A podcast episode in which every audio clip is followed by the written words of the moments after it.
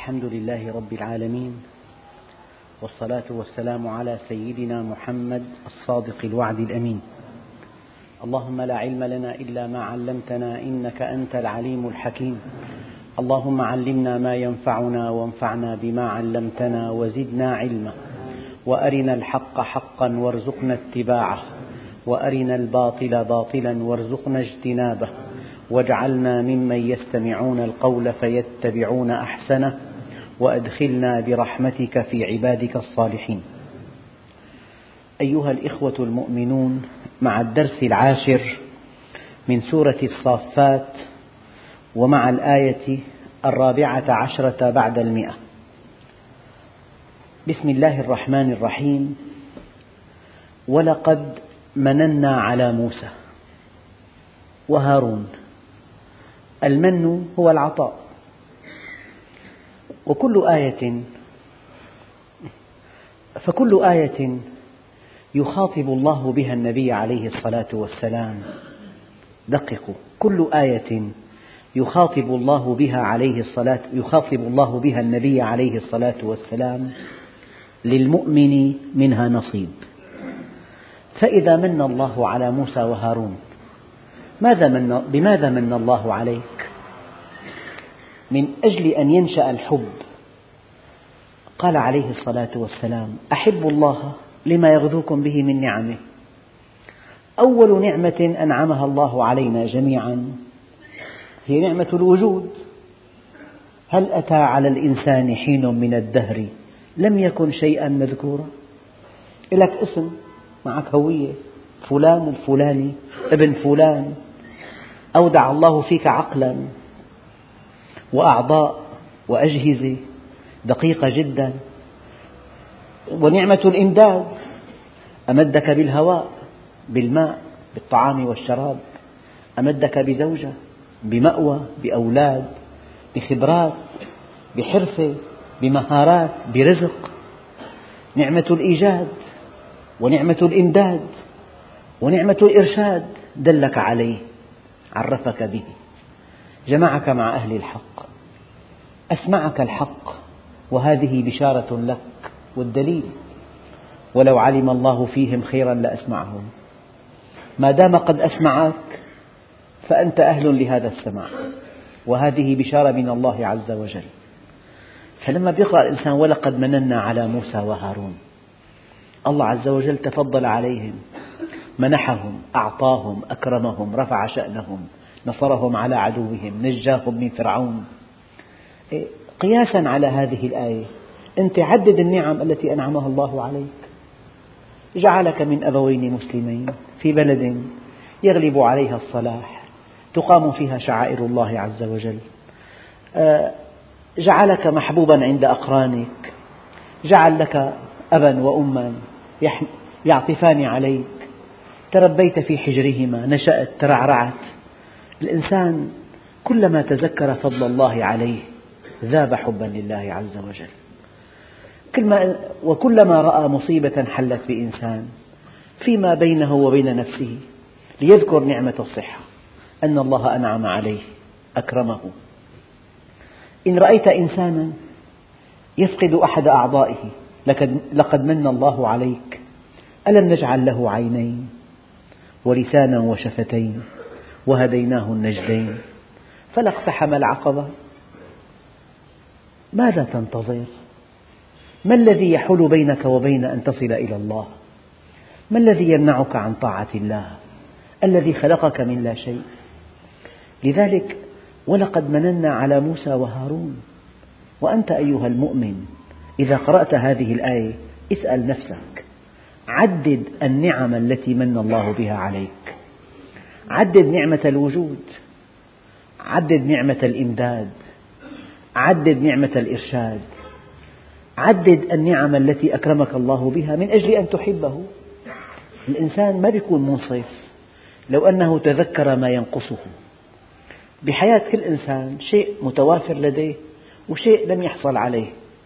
فالمؤمن ينشغل بما لديه لا بالذي لم يحصل عليه. يا ثعلبة كما قال النبي قليل تؤدي شكره. خير من كثير لا تؤدي شكره. قليل يكفيك خير من كثير يطغيك. خذ من الدنيا ما شئت وخذ بقدرها هما.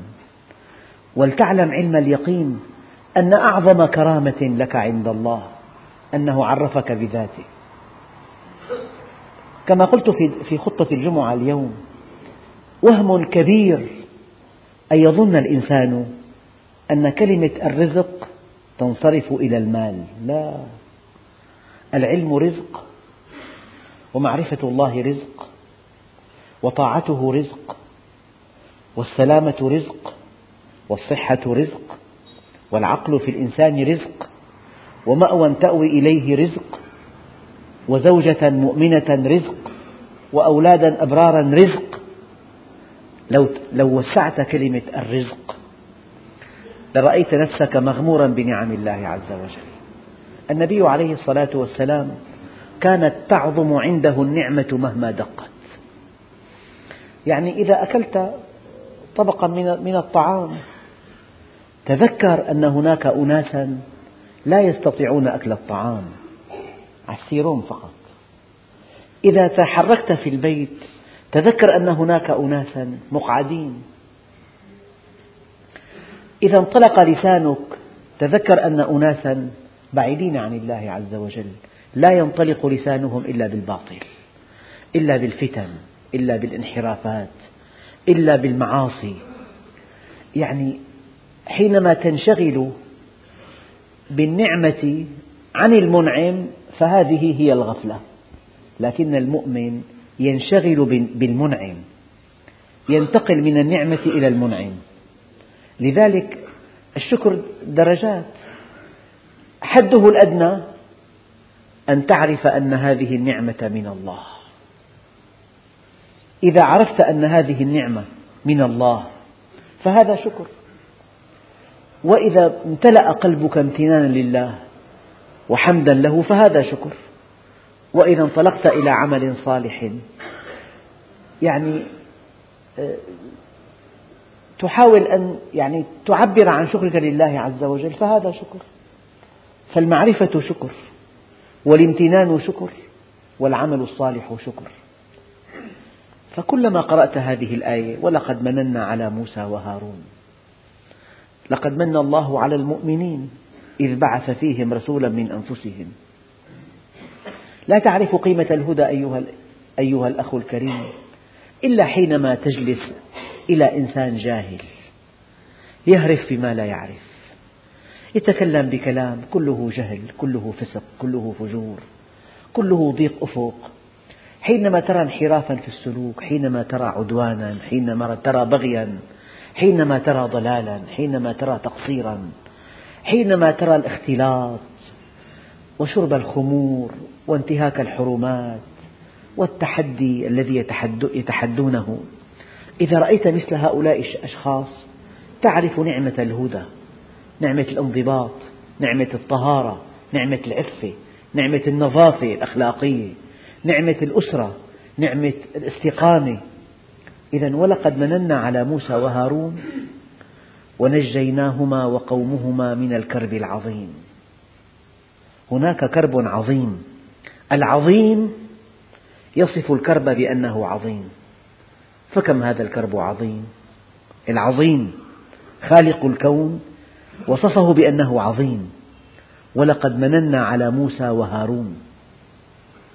ونجيناهما وقومهما من الكرب العظيم. ونعوذ بالله من الكرب العظيم. أحيانا ربنا عز وجل لو ساق لإنسان مشكلة واحدة يستنفر فيواجه هذه المشكلة. لكن إذا شاءت حكمة الله عز وجل أن يبتلي إنسانا بكرب عظيم تأتيه من كل جانب تارة من صحته وتارة من زوجته ومن أولاده ومن عمله ومما يحيط به ومن سوداويته ومن تشاؤمه ومن انهياره الداخلي. لذلك كلما ابتعد الإنسان عن طريق الحق كلما احتاج إلى كرب ليعيده إليه.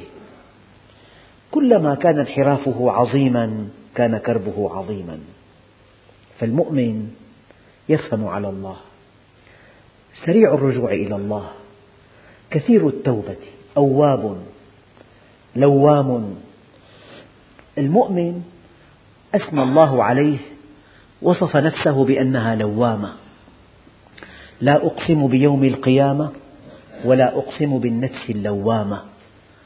دائما يحاسب نفسه حسابا عسيرا. لما قلت هذه الكلمة؟ لما نظرت هذه النظرة؟ لما ابتسمت هذه الابتسامة؟ لما أدرت حديثا وديا مع امرأة لا تحل لك؟ لماذا نظرت؟ لماذا سكت؟ لماذا لم تدافع عن أخيك المؤمن؟ لماذا جلست في مجلس يغتاب فيه وبقي وبقيت جالسا فيه. لماذا لم تقل كلمة الحق؟ آثرت سلامتك على كلمة الحق. فالمؤمن كثير اللوم لنفسه وكل من كان حسابه في الدنيا حسابا عسيرا. كل من حاسب نفسه في الدنيا حسابا عسيرا كان حسابه يوم القيامة يسيرا. كل من وسع صراطه في الدنيا ضاق صراطه في الآخرة. وكل من ضيق, ضيق صراطه في الدنيا اتسع صراطه في الآخرة. إذا كل قضية هي فيها فتوى وهي بلوى عامة وهي الله لا يأخذنا بعملنا وهي شو بدنا نساوي؟ نحن عبيد إحسان ما لنا عبيد امتحان. كل ما وقع بمشكلة يعطيها فتوى. هذا الذي يحاسب نفسه حسابا يسيرا. عندئذ يأتي حسابه يوم القيامة عسيرا. فهذا الكرب العظيم أيها الإخوة. الكرب العظيم يكافئ الانحراف العظيم. انحرفت درجة الأيام طالب بيجيب زورة نظرة انضبط. حساس في حياة قلبه حي بيستحي بيخجل. أستاذه غالي عليه علاقته بأستاذه غالية كثير فلو أن المدرس أعرض عنه قليلا قلت لكم سابقا يعني مؤمن استمع من شيخه إلى أن لكل سيئة عقابا. زلت قدمه في مشكلة في تقصير انتظر المصيبة. مر يوم ويومان وأسبوع وأسبوعا ما صار معه شيء. في المناجاة قال يا ربي لقد عصيتك فلم تعاقبني. قال وقع في قلبه أن يا عبدي قد عاقبتك ولم تدري. ألم أحرمك لذة مناجاتي؟ المؤمن أيها الإخوة يكفي أنه يشعر أنه يكفي أن ينكر قلبه أن يشعر أن علاقته بالله ليست كما يرام أن اتصاله بالله فاتر, فاتر إقباله على الله ضعيف. يكفي أن يشعر بهذا الشعور حتى يحاسب نفسه ويراجع حساباته ويسأل نفسه ماذا فعلت؟ ما الذي اخترفت؟ من أي جهة قصرت؟ هذا هو المؤمن. فلذلك كلما ازداد الانحراف كان الكرب أكثر شدة أبدا. لذلك هناك أناس لا يعودون إلى الله عز وجل إلا بمصيبة تقسم الظهر. يعني كأن الله عز وجل كأن الله ينتظر منا. ألا ننحرف انحرافا لا يرجعنا إلى الله إلا كرب عظيم. في أمراض الإنسان إذا استمع إذا شعر أنها قد أصابته لا تقوى رجلاه على حمله. في خلافات زوجية في شرخ في داخل الأسرة يعني في مصائب ضمن الأسرة في الجسم في علاقات العمل. أيام الإنسان يعني يتورط ورطة كبيرة جدا لا ينام الليل يقول لك شهر ما نمت الليل. في كرب عظيم لكن هذا الكرب العظيم يتناسب مع انحراف عظيم. كلما كان الانحراف عظيما كان الكرب عظيما. فالإنسان لا يسلك مع الله طريق يحتاج معه إلى كرب عظيم. يعني مثلا في الإنسان بجسمه مرض لكن بسيط. في بواكير المرض يعالج بحب بحمية لكن لو أهمل نصائح الأطباء وركب رأسه وأكل ما يشاء وتحرك حركة عشوائية كما يحلو له ولم يعبأ بنصائح الأطباء وألقى بها عرض الطريق. عندئذ يقول له الطبيب لا بد من عمل جراحي. كان من الممكن أن تعالج معالجة يسيرة بحبة أو حبتين وحمية سريعة. الآن عملية جراحية. فالإنسان لا يتوصل مع الله. لا يأكل مال حرام لا يشتط لا يعتدي لا يتجاوز حدوده لدرجة أنه لا بد من كرب عظيم. يعني إياك أن تصل مع الله إلى طريق مسدود. أنا كنت أضرب هذا المثل. إذا الإنسان ارتكب جريمة وحكم وحكم عليه بالإعدام وصدق الحكم وسيق إلى المشنقة. في هذه اللحظة وصل مع القضاء إلى طريق مسدود. يعني بحب يضحك لا بد من أن يعدم. بحب يبكي سواء. بحب يتوسل بحب ما يتوسل. بحب يتكلم كلام فارغ يتكلم. بحب يضرب نفسه يضرب. وصل مع القضاء إلى طريق مسدود. والذي أتمناه على كل أخ ألا يتورط ألا يهمل نفسه إلى أن يصل مع الله إلى طريق مسدود. لا بد من كرب عظيم. وربنا عز وجل إذا أراد أن يعالج يعرف كيف يعالج. من المنطقة الحساسة من المنطقة التي تؤلم من الشيء الذي يخيف يعني أنواع المصائب لا تعد ولا تحصى أيام مصائب وهمية. بتوهم إنسان أنه معه مرض خبيث. بيعيش أشهر منسحقا. ثم يتبين أنه ورم غير خبيث. لكن الله قادر يوهمك وقادر ما يوهمك وقادر يفعل ما يشاء. فأنت كن معه على حذر. إذا رأيت الله يتابع نعمه عليك وأنت تعصيه فاحذره.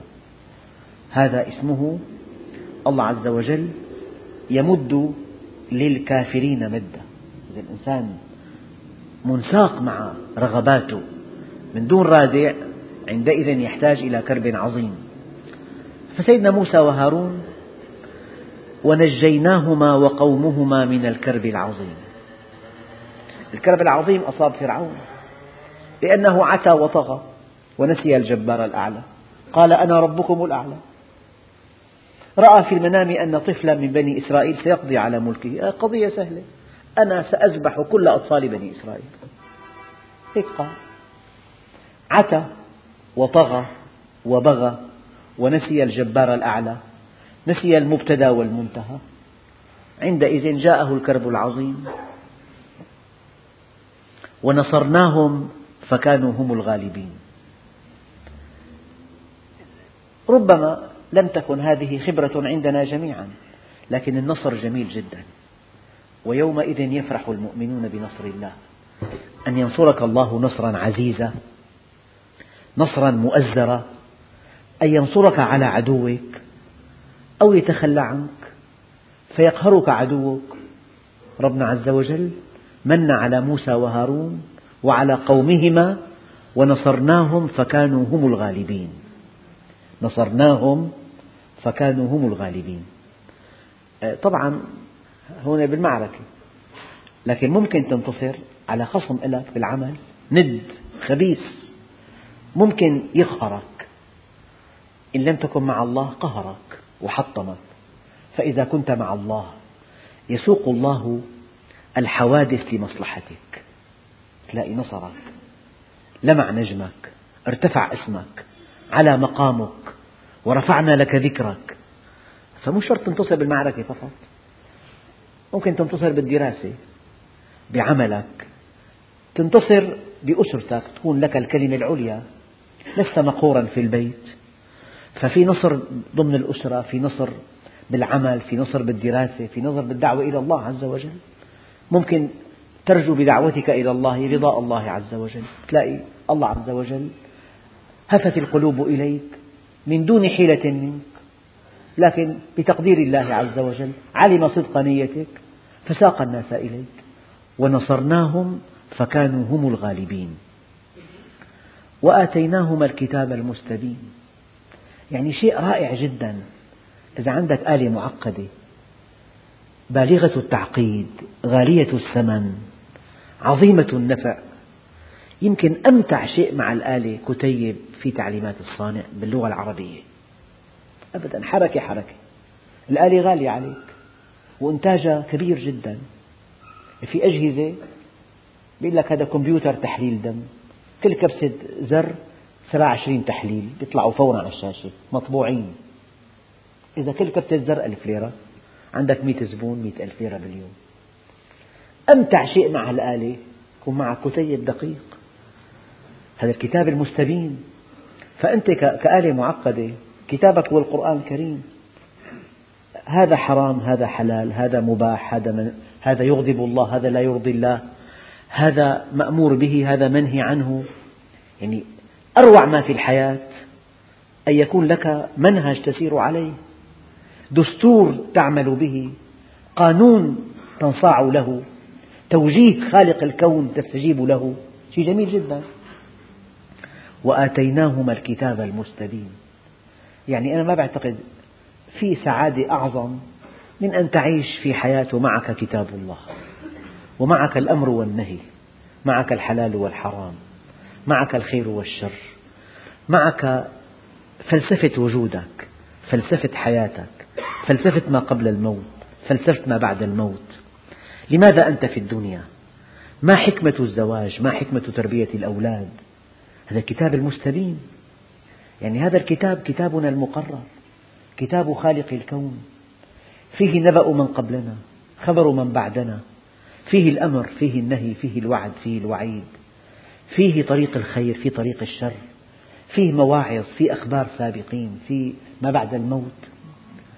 وآتيناهما الكتاب المستبين وهديناهما الصراط المستقيم. الله عز وجل النبي عليه الصلاة والسلام من أدعيته الشريفة كان يقول اللهم ألزمنا سبيل الاستقامة لا نحيد عنها أبدا. يعني شيء جميل جدا. أن تعرف المنهج وأن تسير على المنهج. أن تعرف الحق وأن تتبع الحق. أن تعرف الخير وأن تكون من أهله. وأن تعرف الشر وأن تبتعد عن أهله. قال كيف أصبحت يا زيد. قال أصبحت أحب الخير وأهله.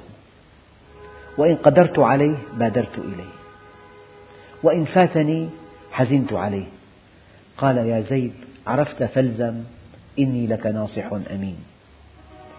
الحياة ماضية لأنه أعظم سعادة أن تستيقظ على طاعة الله. أن تتحرك وفق منهج الله. التاجر سعادته كبيرة جدا لأنه هي ما بيجوز ما ببيع ديني لا أحلف كذبا لا أبيع بسعرين لا أرتكب ما حرم الله لا أتجاوز حدي لا أغش المسلمين لا أخفي, لا أخفي عيبا. انصياعه لأمر الله عز وجل صار داعي وهو لا يدري. الآن من منا يصدق أن أكبر دولة إسلامية في العالم هي إندونيسيا؟ تعدادها 150 مليون. الأمة العربية كلها من الخليج للخليج للمحيط 100 مليون. إندونيسيا 150 مليون. كلها أسلمت عن طريق التجار المسلمين. كانوا دعاة إلى الله بمعاملتهم بإنصافهم. يعني إذا واحد منكم تاجر أو بائع أو له مصلحة والله ولا أبالغ بيقدر من خلال استقامته وصدقه وسعره المعتدل ونصيحته يرغب الناس بالدين يسألوا هذا والله شيء عظيم. من هذا الإنسان؟ بأي مصلحة؟ بإمكانك أن تكون أكبر داعية إلى الله عز وجل وأنت ساكت. وهذا اللسان لا ينطق لكن العمل ينطق. إذا ونصرناهم فكانوا هم الغالبين. أيضا حينما تنتصر على عدوك حينما يمكن الله لك في الأرض حينما يرفع شأنك حينما يعلي قدرك حينما يمدك بمدد من عنده تشعر بالسعادة. يعني الله عز وجل بالمناسبة أنت تحبه وتخلص له وتنصاع لأمره وتحب أحبابه وتأتي بيته لتنتظر إكرامه. ولا يشعرك أنه يحبك. أحيانا الله عز وجل يشعرك أنه يحبك من خلال أشياء كثيرة. أحدها تيسير أمورك. فأما من أعطى واتقى وصدق بالحسنى فسنيسره لليسرى. أحيانا التيسير مشعر على أن الله يحبك. أحيانا هذه الطمأنينة التي تعيشها هذا التوازن هذه الثقة بالله عز وجل هذا القلب المتماسك هذه الأعصاب القوية هذا من علامات رضاء الله عنك. فأنزل سكينته عليه وعلى المؤمنين هي سكينة من الله. أحيانا إذا أحب أحبك الله ألقى حبك في قلوب الناس. كلهم يحبونك. ينادى له في الكون أنا نحبه. فيسمع من في الكون أمر محبنا إذا أحبك الله ألقى حبك في قلوب الخلق. وألقيت عليك محبة مني. شيء رائع جدا أن يحبك الناس أن تكون محمود السيرة أن يلهج الناس بالثناء عليك أن يعاملوك معاملة طيبة. كلها كلها المحبة والتقدير والإكرام والتبجيل. هذا من حب الله لك. أحيانا وهذا من أرقى أنواع الحب أن يعرفك بذاته. تشعر وأنك تشعر حينما تعرف الله عز وجل أنك إنسان آخر. لا كبرا ولا استعلاء ولكن شعور بالتميز. هذا غارق في حب الدنيا وهذا مقبور في شهوته وهذا محاصر في تجارته وهذا تستحوذ عليه مشكلاته فإذا هو فإذا هي تستهلكه لا يستهلكها. المؤمن عظيم عند الله عز وجل. يعني حياته مقدسة عمره ثمين كيف لا؟ وقد أقسم الله جل جلاله بعمر النبي. فقال لعمرك, لعمرك إنهم لفي سكرتهم يعمهون. الله عز وجل أقسم بعمر النبي. طيب قياسا على هذا أيضا أنت عمرك ثمين يعني لا تنتهي حياتك هيك ببساطة.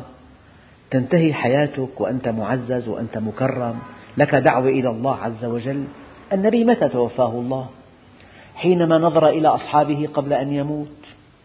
فابتسم حتى رؤيت نواجذه قال علماء حكماء كادوا من فقههم أن يكونوا أنبياء. أصحاب الرسالات لا يميتهم الله عز وجل إلا بعد أن يحقق لهم أمانيهم في الحياة. فإذا إنسان مطلبه كبير وهدفه نبيل يا الله عز وجل يجعل حياته مقدسة يجعل عمره ثمينا. فهو ينشغل بنشر الحق بنشر الفضيلة ويرى ثمرة عمله قبل أن يموت. فالنبي الكريم يعني ما ما تبسم ما رؤيت نواجذه من قبل من شدة فرحه؟ قال علماء وحكماء كادوا من فقههم أن يكونوا أنبياء. وأنت أيها الأخ أيام تمضي عشر سنوات بمسجد كل جمعة درسين ثلاثة ساعة الخميس وجمعة وسبت وأحد واثنين وخطبة ودرس صباحي و... لكن هذا كله عم يتراكم. هي كلها آه، لوائح شرف بحقك. بتغمض بتفتح هيك مؤمن. الله أجرى على يدك الخير. أطلق لسانك. جعلك منار هدى. جعلك آه، باب للخير.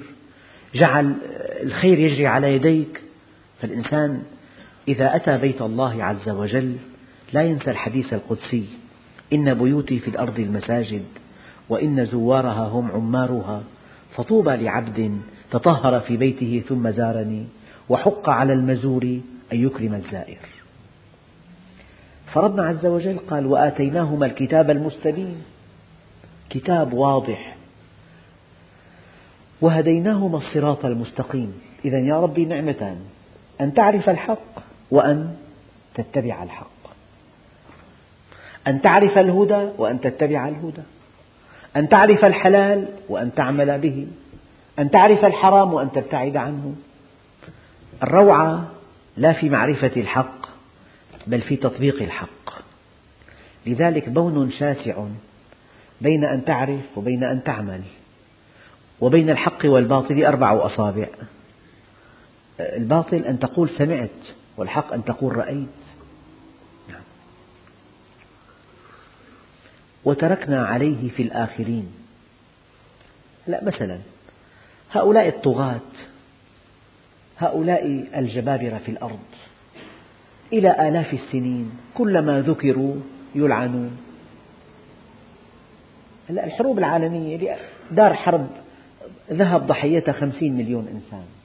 يلي ألقى على بعض المدن قنابل ذرية الطغاة تيمور لنج آه، هؤلاء الذين جبابرة الأرض هؤلاء كلما ذكروا يلعنون بينما الأنبياء كلما ذكروا يصلى عليهم. يعني ما بعرف كم كم مرة يذكر النبي في العالم الإسلامي في اليوم ومع كل مرة صلى الله عليه وسلم. وغير الصلاة بتحس أنه الإنسان قدم كل شيء. أعطى كل شيء ولم يأخذ شيئا.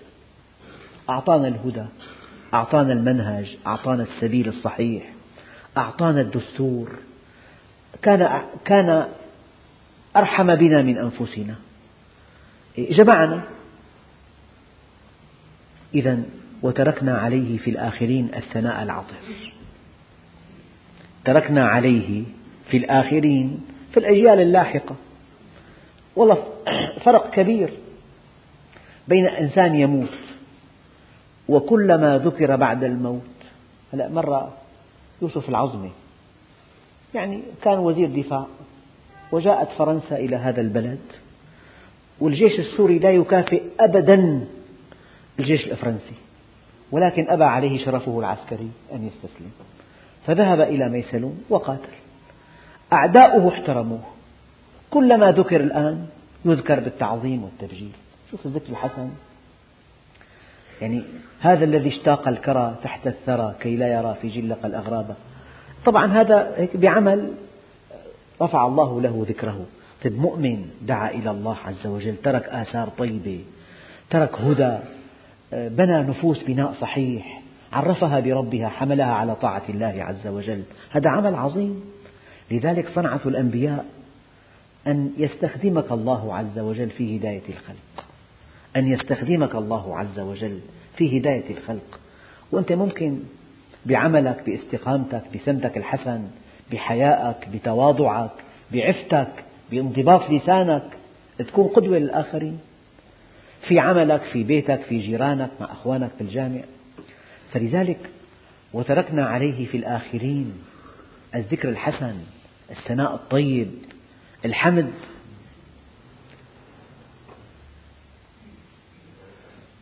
قال لي أخ من يومين. قال لي أنا على وشك الإفلاس. تاجر هو قصة قديمة. قال لي أحد أصحاب الديون جاءني إلى موقع العمل. يعني طالبني بشدة. فدعوته إلى طعام الغذاء في البيت. قال لي بيتي مساحته 35 متر. فلما رأى بيتا بهذا الضيق. قال إنسان يسكن هذا المكان مستحيل أن يأكل مال الناس. قال له وين السندات؟ أخذها مزقها كلها. تعال خذ بضاعة وبيعها ثم أتني بالثمن القصة من ثلاثين سنة كلما ذكره يذكره بخير. قال لي أنهضني. أنهضني من كبوتي. أعانني على دنياي. قال له أي إنسان ما باعك خبرني. أنا بقنعه يبيعك. باع الضاعة وباعها وقال له هذا الثمن صفنت قلت واحد من ثلاثين سنة كل ما جلس بيذكره بالخير. هذا الإيمان. إذا كان لك عمل طيب لو توفاه الله يلهج الناس بهذا العمل طول الحياة وطول الزمن. هذا معنى وتركنا عليه في الآخرين سلام على موسى وهارون. إنا كد هون بقى. روعة الآية. هذه ليست قصة. هذا قانون. هذا ليس لسيدنا موسى وهارون. لا لك أنت يا من تجلس في هذا المجلس. يا من تجلس في هذا المسجد. قال إنا كذلك نجزي المحسنين. إن أحسنت هكذا نجزيك. ننجيك من الكرب العظيم. ننصرك على عدوك. نؤتيك الحق. نعينك على تطبيقه. نلقي عليك ثناء حسنا وذكرا طيبا. قال إنا كذلك نجزي المحسنين. أيها الإخوة الأكارم يعني أتمنى مرة ثانية على الله عز وجل أن تضعوا أيديكم على دقة هذه الآية. يعني إنا كذلك نجزي المحسنين. هالميزات هي يكون في كرب عظيم الله ينجيك منه. كرب عظيم. لا يبقي ولا يذر. يحرق الأخضر واليابس. أن تنجو منه أنت بأعجوبة. طيب. أن تتعرف إلى الحق وأن يعينك على تطبيقه أن تعرف المنهج وأن تطبقه أن ينصرك في كل الميادين على أعدائك. دائما أنت متفوق عليهم ولك العز والشأن. طيب. أن يكون لك الذكر الحسن والطيب في الناس. يلهج, يلهج الناس بالدعاء لك والثناء عليك. أن تنجو من الكرب العظيم وأن تنتصر على أعدائك نصرا عزيزا مؤزرا وأن يؤتيك الله الحق وأن يعينك على تطبيقه وأن يبقي لك ذكرا حسنا. هذا في متناول يديك. الثمن شيء واحد وهو الثمن الإحسان إنا كذلك نجزي المحسنين. الإحسان على إطلاقه المستقيم محسن. أن تؤدي ما عليك محسن. أن تتقن عملك محسن. أن تكون صادقا محسن. الإحسان بأوسع معانيه. فالنصر على العدو والنجاة من كل كرب ومعرفة الحق والعمل به والذكر الحسن هذه الأهداف الكبرى. هذه في, في متناول يديك.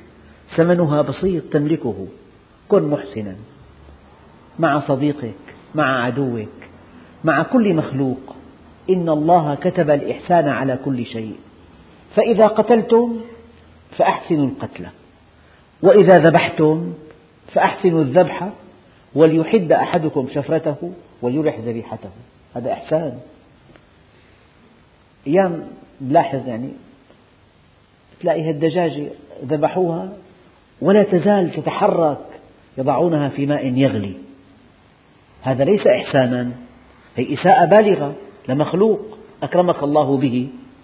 تعذبه. النبي الكريم رأى رجل يذبح شاة أمام أختها فغضب. قال عليه الصلاة والسلام أتريد أن تميتها مرتين؟ هل حجبتها عن أختها؟ إذا النصر على العدو وهو شيء ثمين جدا لا يعرفه إلا من فقده. القهر الهزيمة. واحد يستعلي عليك يشمت فيك شيء لا يحتمل. أن تنتصر على عدوك وأن ينجيك الله من كل كرب عظيم فوق طاقة البشر احتماله. وأن يؤتيك الحق وأن يعينك على تطبيقه وأن يدع لك ذكرا حسنا في الناس. كل هذه المكاسب العظيمة بين يديك. ثمنها الإحسان. فأجمل ما في هذه القصة قول الله عز وجل إنا كذلك نجزي المحسنين. كن محسن في عملك وفي بيتك ومع كل مخلوق. إنهما من عبادنا المؤمنين. إنهما من عبادنا المؤمنين. فإذا كنت مؤمنا محسنا كل هذه الخيرات بين يديك. كل هذه العطاءات في متناول يدك. وفي درس آخر إن شاء الله تعالى ننتقل إلى قصة سيدنا إلياس وإن إلياس لمن المرسلين إلى آخر الآيات والحمد لله رب العالمين.